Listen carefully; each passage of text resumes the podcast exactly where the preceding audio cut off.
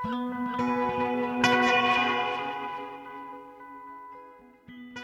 og sæl, við sjá helsar á getu lustendur 14. júni. Ég heiti Halla Harðardóttir. Og ég heiti Jóhannes Ólafsson. Samfélagslistir, Guðspjall Marju og menningar verðmæti á stríðstímum í Víðsjá dagsins. Í kvöld verður nýtt Íslandst verk flutt í Fræðriksberg kirkju í Kaupmannahöfn. Guðspjall Marju eftir Huga Guðmundsson. Verki var frumflutt á annan í Kvítasunnu þann 7. júni síðastliðin í Hallgrímskirkju og var sáflutningur hljóðritaður af Ríkisútarpinu. Svo hljóðritun verður flutt næst komandi sunnudag 19. júni hér á rás 1. Guðni Tómasson heiti Huga fyrir tónleikana og rætti við hann um þetta verk og við heyrum það spjall hér rétt á eftir.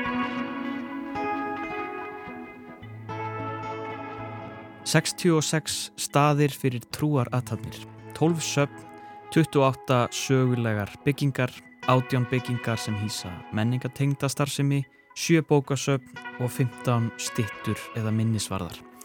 Allt er þetta á lista UNESCO yfir fyrirbæri sem hafa eðilagst í sprengju árusum rúsa í Úkrænu. Menningar vermæti eru eins og margt annað afar berskjölduð í stríði. Á fyrstu vikum stríðsins í Úkrænu tóku söpn að hreinsa út allar sínar verðmætustu egnir, pakka þeim saman og koma í var. Þetta hefur verið gert í gegnum söguna, líklega í öllum samtíma stríðum. Fólk hefur jáfnveil hætt lífi sínu við að bjarga listaverkum frá víuellinum. Við fjöllum um menningar verðmæti á stríðstímum með alla viðar í Torstensen, sviðstjóra Alþjóðasviðs Rauðakrossins hér á eftir. Rattir hverra heyrast ekki í íslensku listalífi. Hver okkar eru ekki meðal áhorfenda. Verk hverra sjáum við ekki og hver sjáum við ekki standa á stóru sviðunum. Hvernig geta lista og menningarstofnanir sportnað gegn mismunum í listum? Þetta eru spurningar sem að veld verður upp á langborðinu, viðburði sem fer fram í yðnó í hátegin á morgun og sem er hluti af klúpi listaháttíðar. Langborðið er loka viðburður verkefni sem hefur verið í gangi frá því vetur sem er að því að virkja samfélagslistir og gera menningu og listir aðgengilega fyrir öll. Björg Árnadóttir hjá Reykjavíkur Akademíunni hefur stýrt verkefninu og hún segur okkur betur frá því hér í þætti dagsins. En við ætlum að hefja við sjá dagsins á tónlist.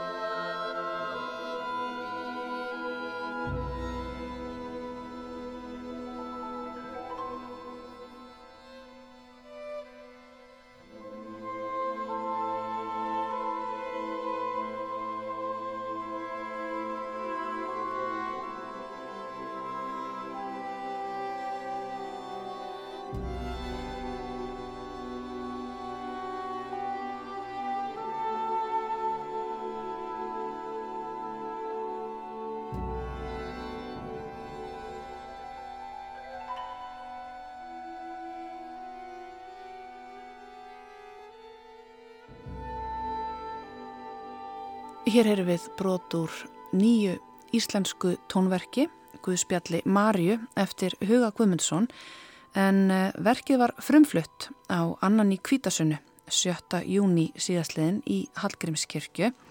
Flytjandur voru Kammerkórin, skólakantorum og norski tónlistarhópurinn Oslo Sinfonietta en stjórnandi var Hörður Áskelsson. Verkið verður flutt í kvöld í Fredriksberg kirkju í Kaupmannhöfn og heldur svo áfram til Osloar. En það er gaman að segja frá því að flutningurinn í Hallgrímskirkju var hljóðritaður af ríkisútvarpinu og súljóðritun verður flutt á sunnudag á kvennadaginn 19. júni hér á Rás 1 og uh, Guðni Tómasson, hann hitti huga fyrir tónleikana og rætti við hann um þetta verk sem hefur verið lengi í smíðum upphálega átt að frumflytja það í Oslo í vor en COVID-faraldurinn kom í veg fyrir það. En við skulum heyra hvað fór á milli þeirra, Guðuna og Huga fyrir tónleikana. Hugi Guðspjall Marju uh, trúarlegt nýtt tónverk. Hvernig ber maður sig að þegar maður býr til verk fyrir kóru hljómsveit, óratorju og ætlar að vaða í já, Guðspjöllin en úr þessari átt, Guðspjalli Marju? Já, það er hansi góð spurning. Þetta ásýrir rauninni rætur hansi langt aftur, þessi hugmynd. Þetta, uh, ég sagði séu einn 15 ár síðan allavega síðan ég er svona rakst á þetta handrit, eða það er að segja uh, vittneskinum að það væri til og svona fór að lesa með þess til um það og hendaði veginn ekki að nota það þá en var alltaf með það svona í bakkvöndinni ef að tækifæri gæfist og, og svo uh, bara hörður Áskilsson upp þetta erindi fyrir ja, það er nú orðin alveg kannski orðin annarkast fimm ár síðan líka ég, það sem hún saði varandi Oslo það áttur náttúrulega verið að hafa fresta bæði í ár og í fyrra sko þannig að þetta var einast í eitt og halvt þannig að hérna, aðdrandin hefur verið langur og verkið sjálfsög búin að vera tilbúið í þannig tíma mm -hmm. um, en um, það sem heitlaði mig við þennan texta var kannski þetta svona að það sé svona hver er með patent á, á sögunum um, um, hérna, um Krist og hvað hva þar fór fram og hérna er allt í einu svona svolítið annar vingil að svona einn að geða svolítið bara skækjan Marja Magdalena sem að hefur svona fengið miskoða útreiði gegnum tíðina frá Guðfræðingum er, er allt í einu þannig einsta ring og, og bara með svo sem fær fréttinnar fyrst mm. bent frá Jésu sjálfum og, og, og það leggst svona ekkit aðeinslega vel í kattpenningin hann í kringum hana. Og, og mér er svolítið þetta einhvern veginn heilaði en, en svo komið náttúrulega upp svona auðvitað svondamála að hérna, þegar maður fer að glukka í þetta handrit að það, það vantar ansi marga síður í það. Er, þetta er, það er, er mjög illa farið þetta handrit sem að, eða þessi tvö handrit sem að varvist Og, og þannig að það þurfti svona líka smá að taka einhvern vingil á það og fá hérna, fekk með mig þá tvo texta höfunda sem komið þar inn í með svona bókmyndala og guðfræðilega vingil á það og fundi önnu textabrót á móti og svo fræðis mm. Sko við eigum náttúrulega þessa fjóra kalla, guðspjallamennina og, og náttúrulega ef við horfum á tónlistina þá er aðalega Mattius og Jóhannes sem að menn hafa verið að syngja já, út frá, auðvitað náttúrulega frægustu dæmin eru, eru passíur Jón Sebastian Bach í þessu tilviki. Er þetta allt önnur sín svona ef maður ber þessa texta saman sem að hérna Marja kemur með? Já, það múið segja það sko. Þetta er náttúrulega ekki kannski guðspjall í þeim hefðbundna skilningi svo við lesum hinn guðspjallin sem eru meira svona línulegri getur maður sagt í, í, píslasögun og, og svo framvegis að, að hérna þetta er allavega það sem er varvest er, er fókuseraður á, á, á uh, tíman eftir upprisuna og, og, og, hérna, og er svona annar já, ekki, ekki eins langu tímir hennilega og það er ekki farið yfir til dæmis hérna, píslasöguna og við komum hann meira inn í uh, setna sko.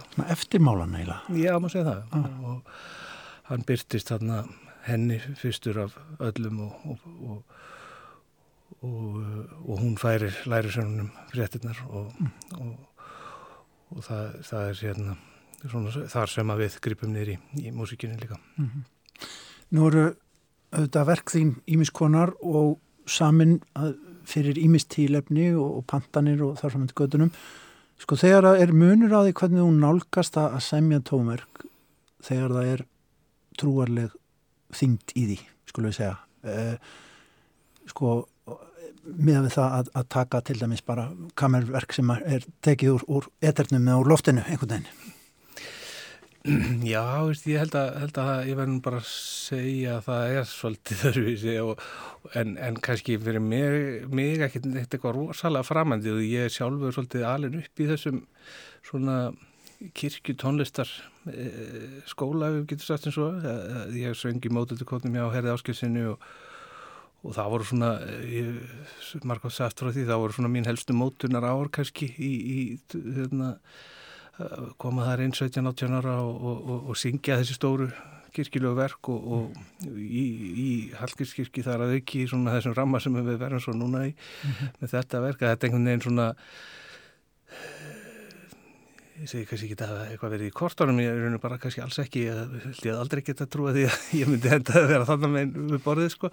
En, en, en einhvern veginn fannst mér þegar ég var farin að stað og þetta var, var, var svona uh, lág ágætlega fyrir mér allavega að, að, að takast á þetta efni og þessi trúalum mál sem hafa, verið mér hugleikinn og frá alls konar vinglum í gennum tíðina sko. Mm.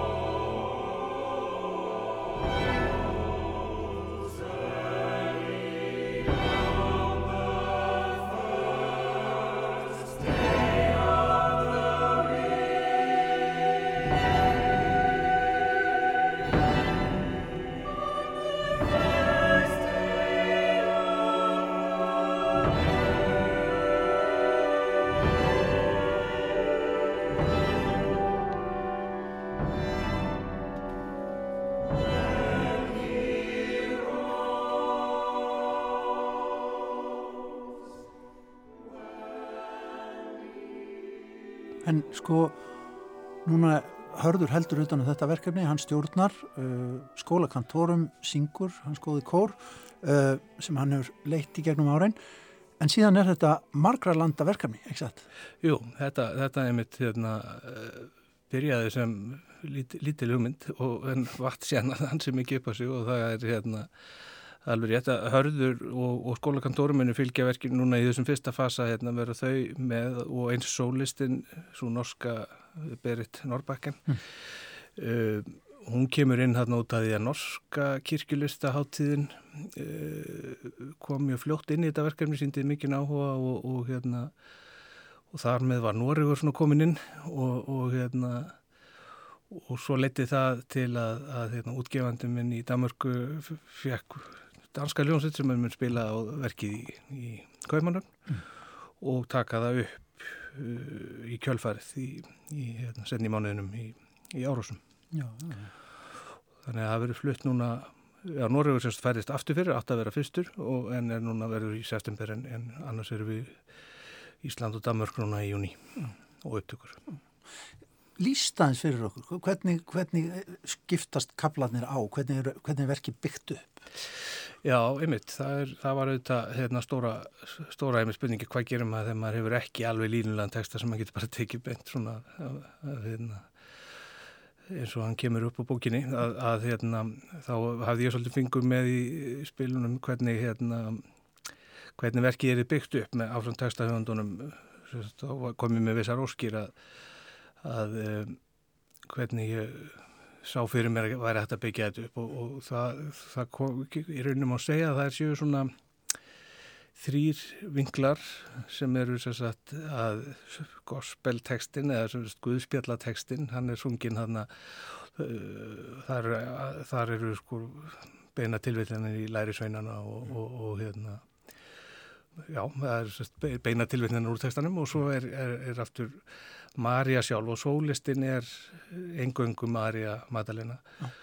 hún er þá annars vegar sagt, að segja sína frásögn í, til, til lærisveinuna og til, til okkar og svo er, er hérna, en svo hefur hún jáfnframt svona arjur þar sem að er, við fáum kannski svolítið svona einblikk í hennar svona, já, svona hennar sálarlífi rauninni. Og það, það eru utanakomandi tekstar sem koma þar inn í. Svo fáum við svona súmum ennþá meira út og það kemur kórin með svona kóral sem er sungin þrísasinnum í, í verkinu og er svona svolítið leiðast ef annar staða líka og það er svona við svona refleksjón utan frá á atbyrðarásina sem við erum að upplifa. Svona vitnisspurður. Vitnisspurður, svolítið, já, einmitt og einmitt stundum, svona svolítið kannski svo einhverjum grískum harmleika þegar kórin svona fyrir að kommentera eitthvað utanfrá. En svo bætti ég við, þá fannst mér einhvern veginn vant að, að, að hérna, það kæmi kannski tími þar sem áhærundum ættu vera með sín eigin íhuganir og, og ég sett inn þá svona millispilskabla sem eru bara einlegskablar blástusleóþarana í verkinu sem, að, sem ég kalla bara hug, hugleðingar eða meditasjónir og, og, og þar, uh, þar er svona hugmyndin að maður geti sjálfur aðeins reflekterað á það sem maður hefur farið fram á. Sko ég bara veit að þetta er, þetta er líklega stærsta verkefni sem þú hefur tekið fyrir hendur. Uh, að fara í gegnum svona ferli að skipulegja svona nýtt tónverk með þessum hætti og, og, og, og kafa aftur í aldir, ná sér í textan og bæta svo við hann, byggja hann upp til þess að úrverði einhver ákveðin heild. Það lítur að vera skemmtilegt en það lítur líka að taka þetta á. Já, það er, það er alveg hótt að segja það. það var, þetta, hérna, þetta er þetta er alveg, sko, tónsmíða vinnan sjálf var alveg rosalega skemmtileg það er maður bara einn að klíma við þetta og ég hérna, sá fljóð þetta er svo yfirgreifs mikið að ég hafði, hafði ekki ólít sko strittir verka þar sem maður getur haft svolítið svona yfirsýn bara í annarkosti á nótnapappinum eða í haugðinu mm -hmm. að þetta var svo yfirgreifs mikið að ég var komið með svona töflu sko eins og í, maður sér í glæpamindunum þar sem eru settir upp alls konar kaplar og þræðir og villi og það var að líkjast einhverju stóru mórmáli sko oh. en, en, en það þurfti bara til þess að ég hefði yfirsýn sko og, og, og, og og það var gaman svona þegar þið bættist við einn af öðrum og svo hérna, fór þetta allt í hérna gangu upp þetta púslispill mm. en svona eftir á þegar náttúrulega tala ekki um út af þessum senkunum að þá, þá hérna, er, er, er það bara stress og vanlíðan sem fylgir þessu. Já, segja alveg svo þetta er svo, eitthvað svo skrítið að standa svona utan við þetta, það er svo margir að leggja svo rúásulega mikið á sig að, og þau geta söngarinn geta þetta og lögfarleikarinn en ég stend bara þannig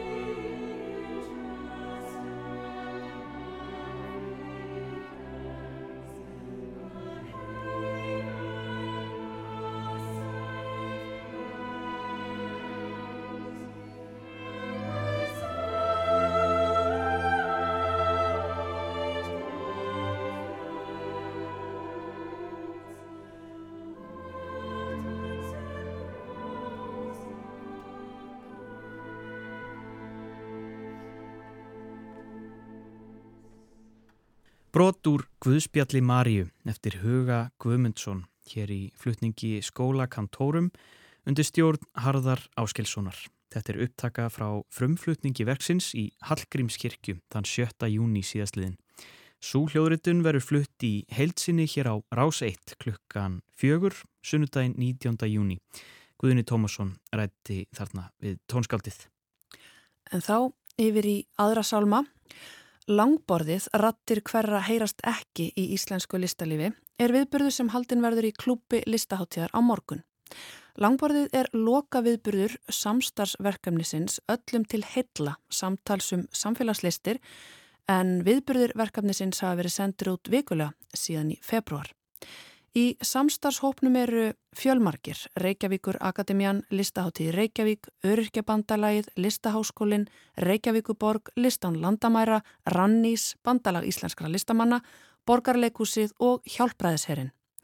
Björg Árnádóttir er fræðimaður sem að starfar innan Reykjavíkur Akademíunar og hún hefur stýrt þessari viðbröðröð og hún verður einnig við langborðið á morgun í klúpi listaháttíðar.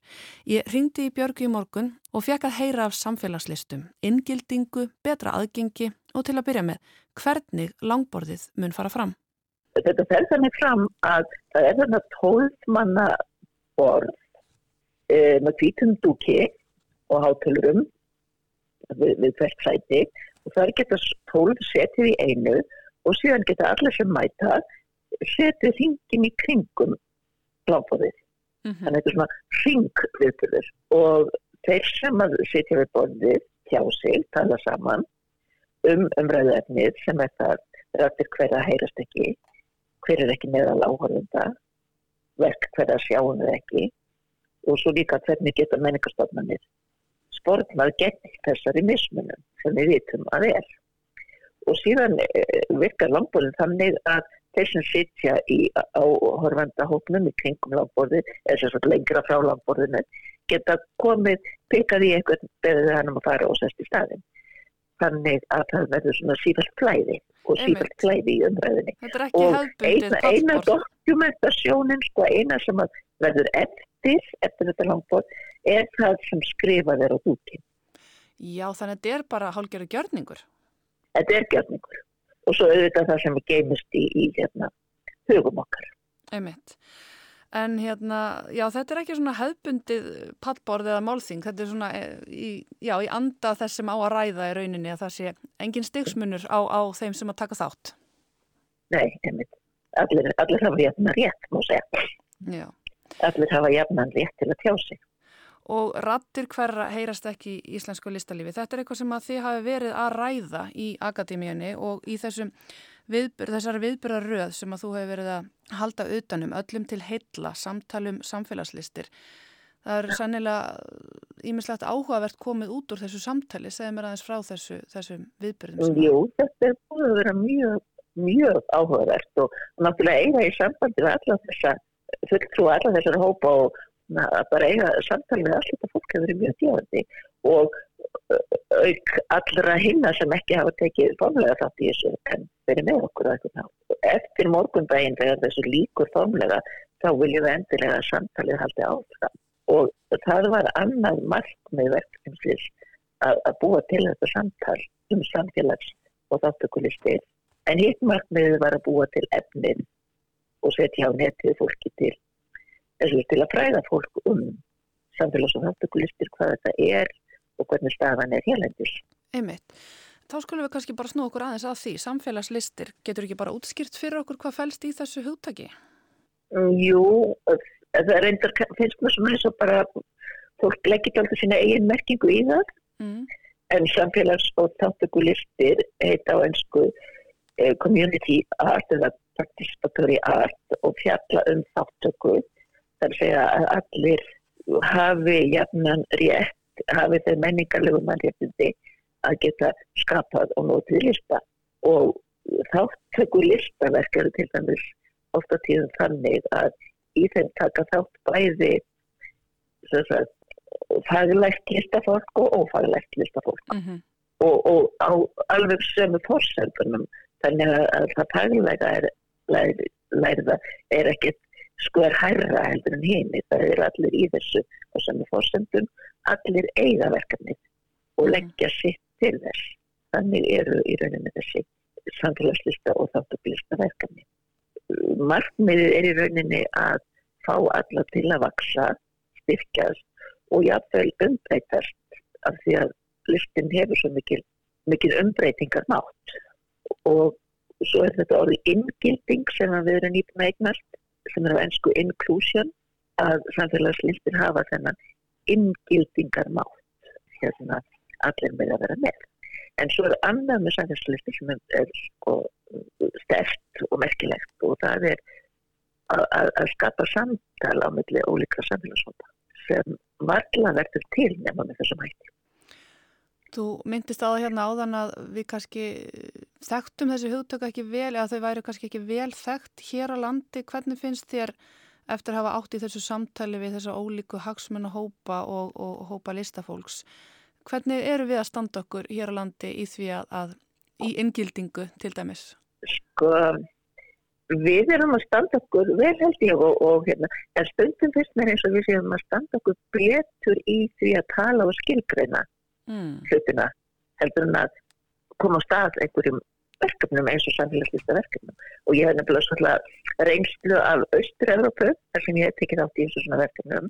Og, og þá finnst mér kannski, þú veist, það er ekki, ekki verið að nota réttu orðin þar. Og það er ekki endilega verið að huga að hjónustala angengi en menningastofnarnir eru samt úrlega mikið að gera á sviðu samfélagslista til þess að inngilta alla Mhm. -huh. og þá er það meira svona þess að þessi gert en ekki talað um það. Þú veist, þetta er svolítið mín tilfinning sko. Já, kannski viljin er til staðar en, en það vantar kannski bara að framkama. Já, en ég hef fyrir fimm ár en úr um sjö ár en það er 2015 þá hjælp Reykjavíkur Akademían í samstæðu við Reykjavíkur borg uh, málþing sem að hér valdeflandi aðferðir í vinnu með jæðarsettum mm. og, og þá vorum við eiginlega svona fyrst að ekki máls á þessu og þá komist að því að það voru ymsir að gera eitt og annað á þessu sviði en enginn vissi að þínum og þá á þessum máltingiðin og þá var einhvern veginn til óbúslega mikil, mikil kraftur og orka þegar fólk fann hvert annað. Svo í huga að endur taka þetta 2020 og það er náttúrulega var það ekki 2020, ekki 2021 heldur svona flesta lípa í skiptir. Þannig að við settum þetta netið í staðinn og endum núna með þessum viðbyrði í yfirnó og núna finn ég bara, það er bara, mér finnst bara eins og allt sé að, að hérna, blómstra og óbúslega margir að gera eitthvað og nú veit fólk meira hvert að vera. Og ég vona þetta samtal hafi hjálpað til sem að nú hefur staðið í tvið ár.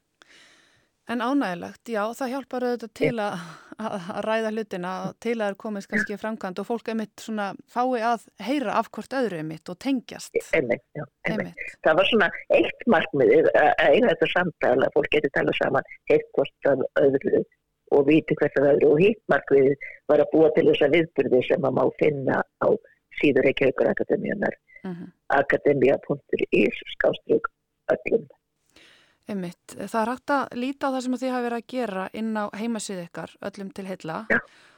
og mér finnst svona á að renna yfir þetta þá hérna fær maður svona tilfinningu fyrir því að það, þeir sem takir þátt að vera svona drivkraftur um vera kannski sá að, að hérna trúa bara á mátt listarinnar sem einhvers konar að það sé geti verið reyfiafl í, í samfélaginu. Já, algjörlega. Mm -hmm. algjörlega. Af hverju er það svo les að þínum átti að listin getur verið reyfiafl?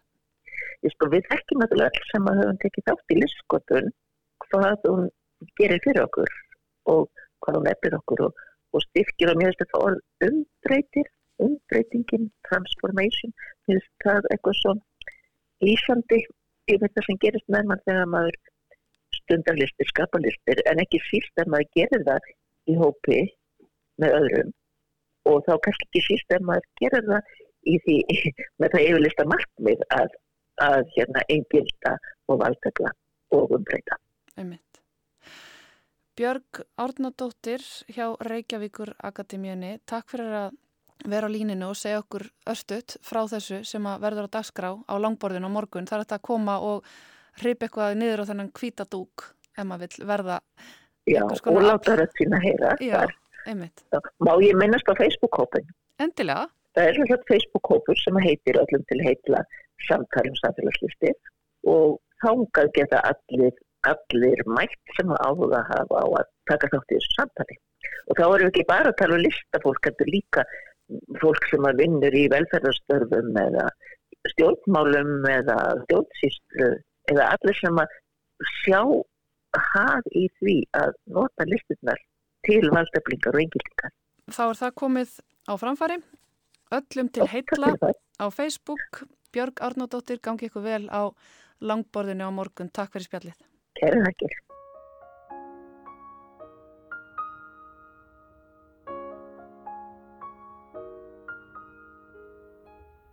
Here comes the sun, little darling. Here comes the sun. I say it's alright.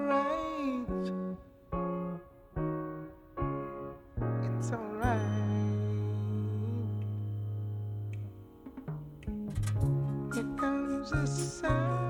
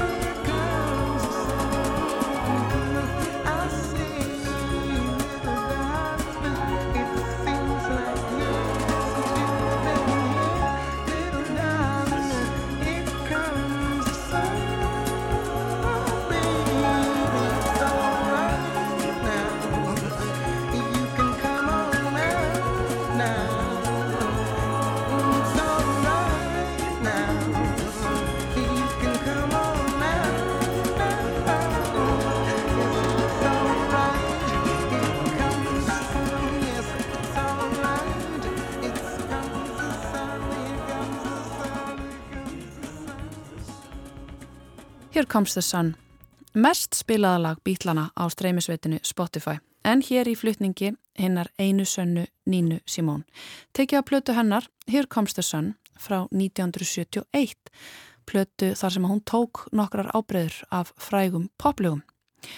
Nína Simón hér á eftir samtali við Björgu Árnadóttur hjá Reykjavíkur Akademíunni.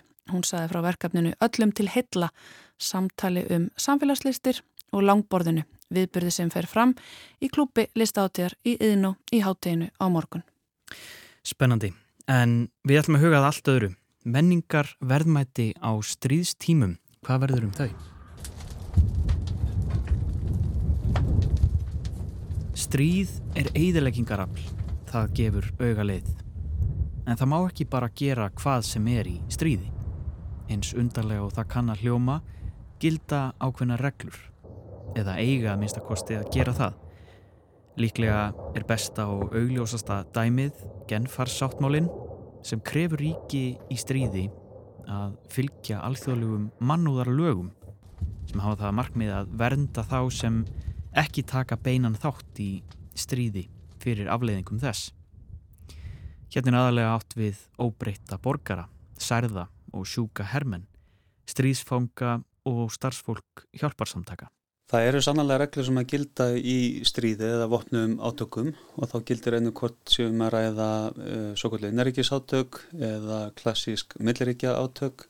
Þetta er Atli Viðar Torstensen, sviðstjóri Alþjóðasviðs Rauðakrossins. Og reglunar eru umverulega leiðbenningur um það uh, hverjir eru lögmætt skotmörk, svo kvöldluð og það er þá allir þeir sem að taka þátt í bardugum, það er þessi hermenn og aðri sem að bera vopp og hernaðlega mannverki og svo framvegis.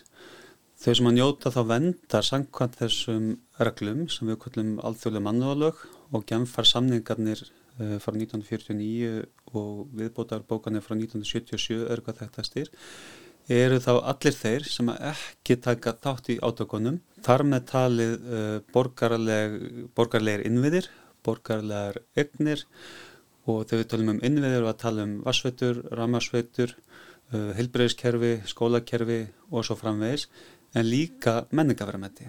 Og uh, árið 1954 er gerður sérstökur samningur um vend menningaverðamætta í vopnum átökum, þar sem að það annar útfært uh, hvað er menningaverðamætti og hvaða vendar þessi menningaverðamætti njóta, að því að það er sorglist aðrind að á stríðstímum verða menningaverðmætti og hafa orðið skotmörk og það hafa orðið óafturkrafa skemmtir á slíkum verðmættum rétt eins og að samfélag, samfélag öll þjást vegna þessar átaka. Og þá getur einu um hvort þessi menningar, verðmætti, náttúran eða óbreytti borgarar.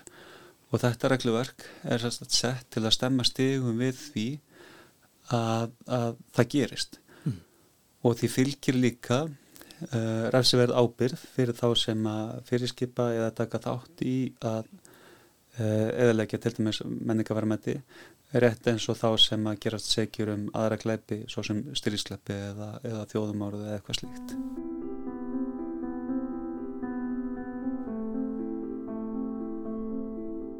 List og menningar arfur er eins og margt annað afar berskjaldað í stríði og reglunum er ætlað að vernda þessi fyrirbæri.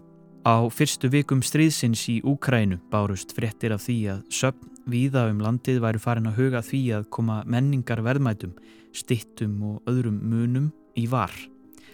Á þjóðminnisafninu í Lviv voru hillur fljótlega orðnar tómar og naglar og upphengjur fyrir málverk og annað stóðu út úr vekkjum. Gripið var til allra ráða til þess að pakka niður því sem sapnið talti vera mikilvægast og koma því fyrir í leynilegum neðanjarabyrgjum eða kjallurum sem getur mögulega vernda það fyrir skemmtum.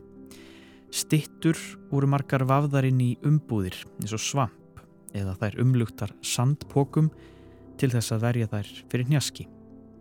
Sapstjóri þjóðminnisapsins í Lviv sagði í viðtali við Breska ríkisútarpið tveimur vikum eftir að innrásinn hófst að tekist hefði að pakka niður þeim 1500 hlutum sem til sínis voru á sapninu á hreint ótrúlega stuttum tíma. Annað sem er í eigursapsins um 180.000 hlutir í heldina var nú þegar í geimslu. Þetta er alls ekki fyrsta sinn sem gripið er til slíkra ráða.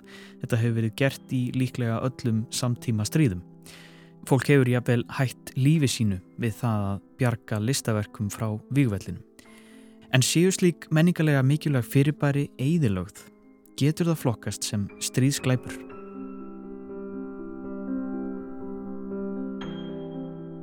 Þau ríki sem eru aðeinar að þessu samningi frá 1954 eru skuldböndin til þess að venda menningaverðmætti uh, bæð á friðar og ofriðatímum og þegar ég var í Lviv og Vinjetsa uh, fyrir um, rúmum mánuði þá tók maður mjög eftir því að það var búið að byrgja og reyna að verja menningaverðmætti til og með sem miðborginni, hvort sem umræði eða kirkjur eða aðrar sögulega byggingar.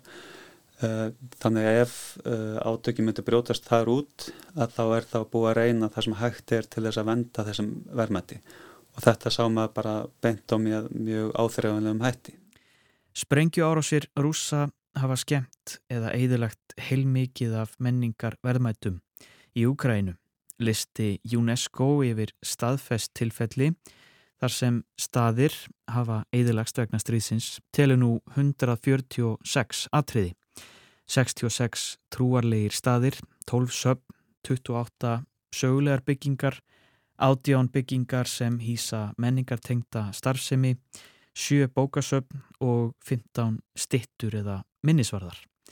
En hvernig eru slík fyrirbæri, menningar, verðmæti, skilgrind? Þegar að genfarsanningarnir settir eða uppfærir árið 1949 er, er, er falla menningaverðmættir um verðlega undir þessi, þessa borgarlegu innviði eh, og um það gilda þrjár megin reglur mannáréttarins.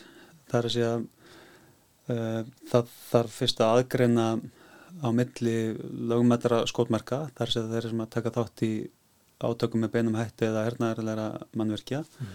Í öðru lagi er það varuðreglan, þannig að ef það er eitthvað vafi þá á við komandi að fá að njóta vafans og það er samankvört um að ræða manneskjur eða, eða borgarleg mannverki og í þriða lagi er, þetta meðalhúf.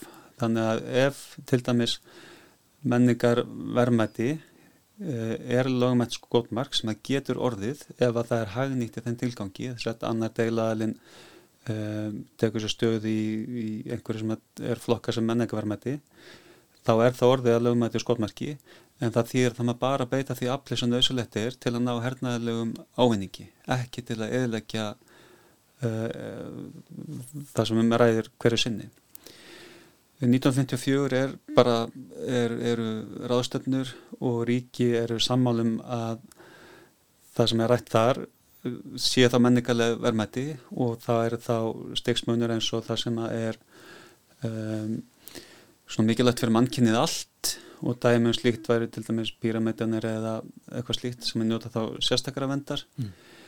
og ríki hafa svo orðið aðeinar að þessum samningi Ísland er ennþá ekki aðeila þessu samningi frá 1954 en það er til vandlera skoðunar eftir því sem við bestu vitum hjá stjórnvöldum og það stendur til að, að gera staðilega þessum samningi. Mm. Þarna er umverulega ríki þá orðin bara sammálum að menningaverðmætti e, er mikilvæg fyrir mannkynnið allt og það, þau samfélag þau sem þau eru staðsett þannig að þau eiga að njóta vendar.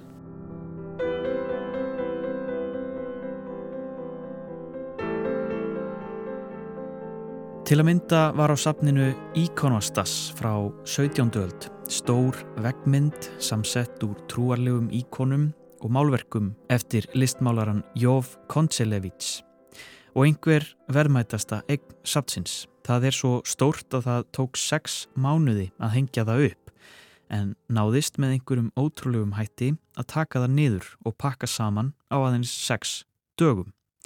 Ekki í fyrsta sinn því verkið var tekið í sundur og falið fyrir nazistum árið 1939.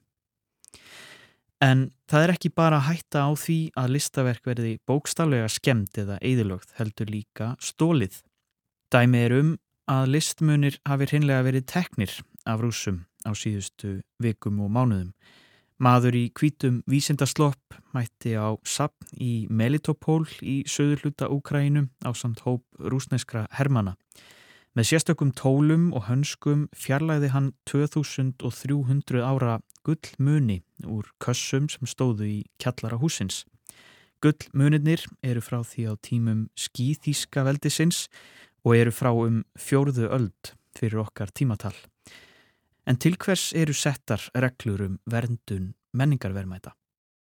Þetta réttast við alþjóðlega mannúalög tekur ekki eh, afstötu þess hvort að það sé réttallegt að heia stríð eða í hvaða tilfellum það er réttallegt Það er umverulega annað réttarsvið sem fjallar um það og helst fjalla er að finna í stoppsáttmála samnið þjóna. Þetta réttarsvið og þessar eh, reglur og lög gilda bara þegar að vopnið átökur skollin á, sama hver ástæðan er og einmitt eins og þú segir til þess að venda þá líf og velferð uh, borgara ríkjana en líka uh, borgarlega innviði eins og varsvitu, helbriðiskerfi og svo framvegis og undir það falla menningaverðmætti sem hafa svo verið skilgrend en ítalega í þessum samningi frá 1954. Er þessu framfyllt? Eða ég meina þessar, þessar reglur eru það ekki brotnar alveg eins og aðrar, aðrar reglur? Jú, þær eru það. Þær eru brotnar á hverjum einasta degi því miður en þær eru líka virstar á hverjum einasta degi og það sem við heyrum um eru fyrst og fremst þessi brot sem hefur sér stað og það er auðvitað mjög sorglegt og það ætti að vera kapsmál allra uh, ríkistjórna og, og annara íbúa jarðarinnar komið veg fyrir glæpi sem hefur sér stað í vopnum átökum. En það er líka mekanismi til þess að framfylgja.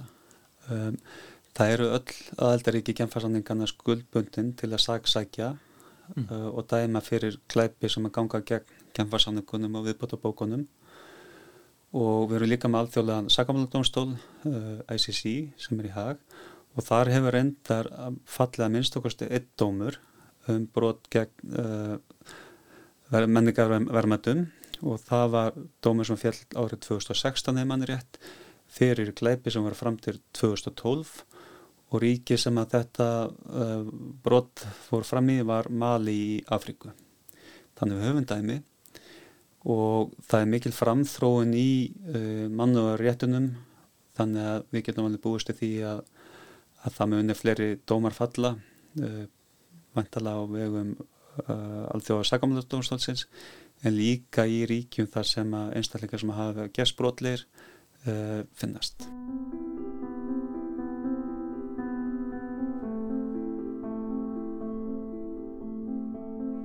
Við komum ekki í veg fyrir stríð svo auðveldlega. Það verist vera deginum ljósara. Reglurnar sem allir viðar talar um hér eru til þess að lámarka skadan og reyna að vernda líf og heilbriði, borgara og innviða. Til þess að stríð geti ekki eitt heilu menningarsvæðunum í einni hendingu eða jafnað hreinlega söguna við jörðu. Í stríði má sem sagt eitt en annað er bannað og markmiðið er að stýra því hvar stríður háð og hvernig.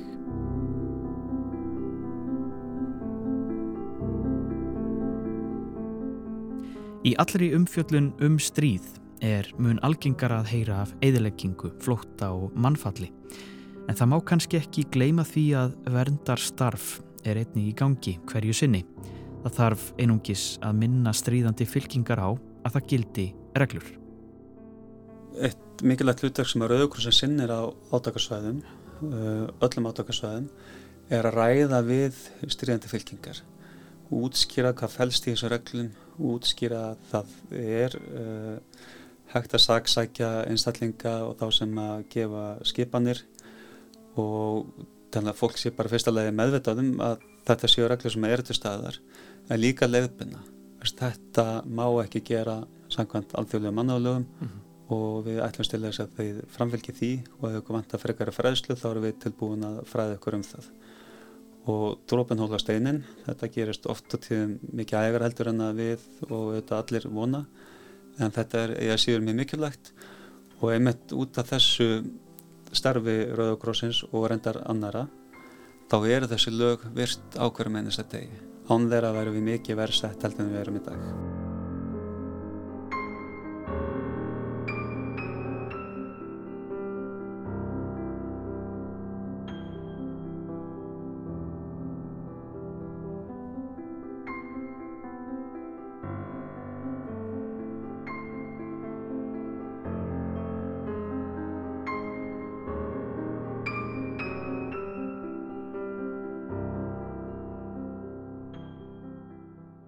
Víkingur Heiðar Ólafsson leikur hér etíðu númer 2 eftir Debussy.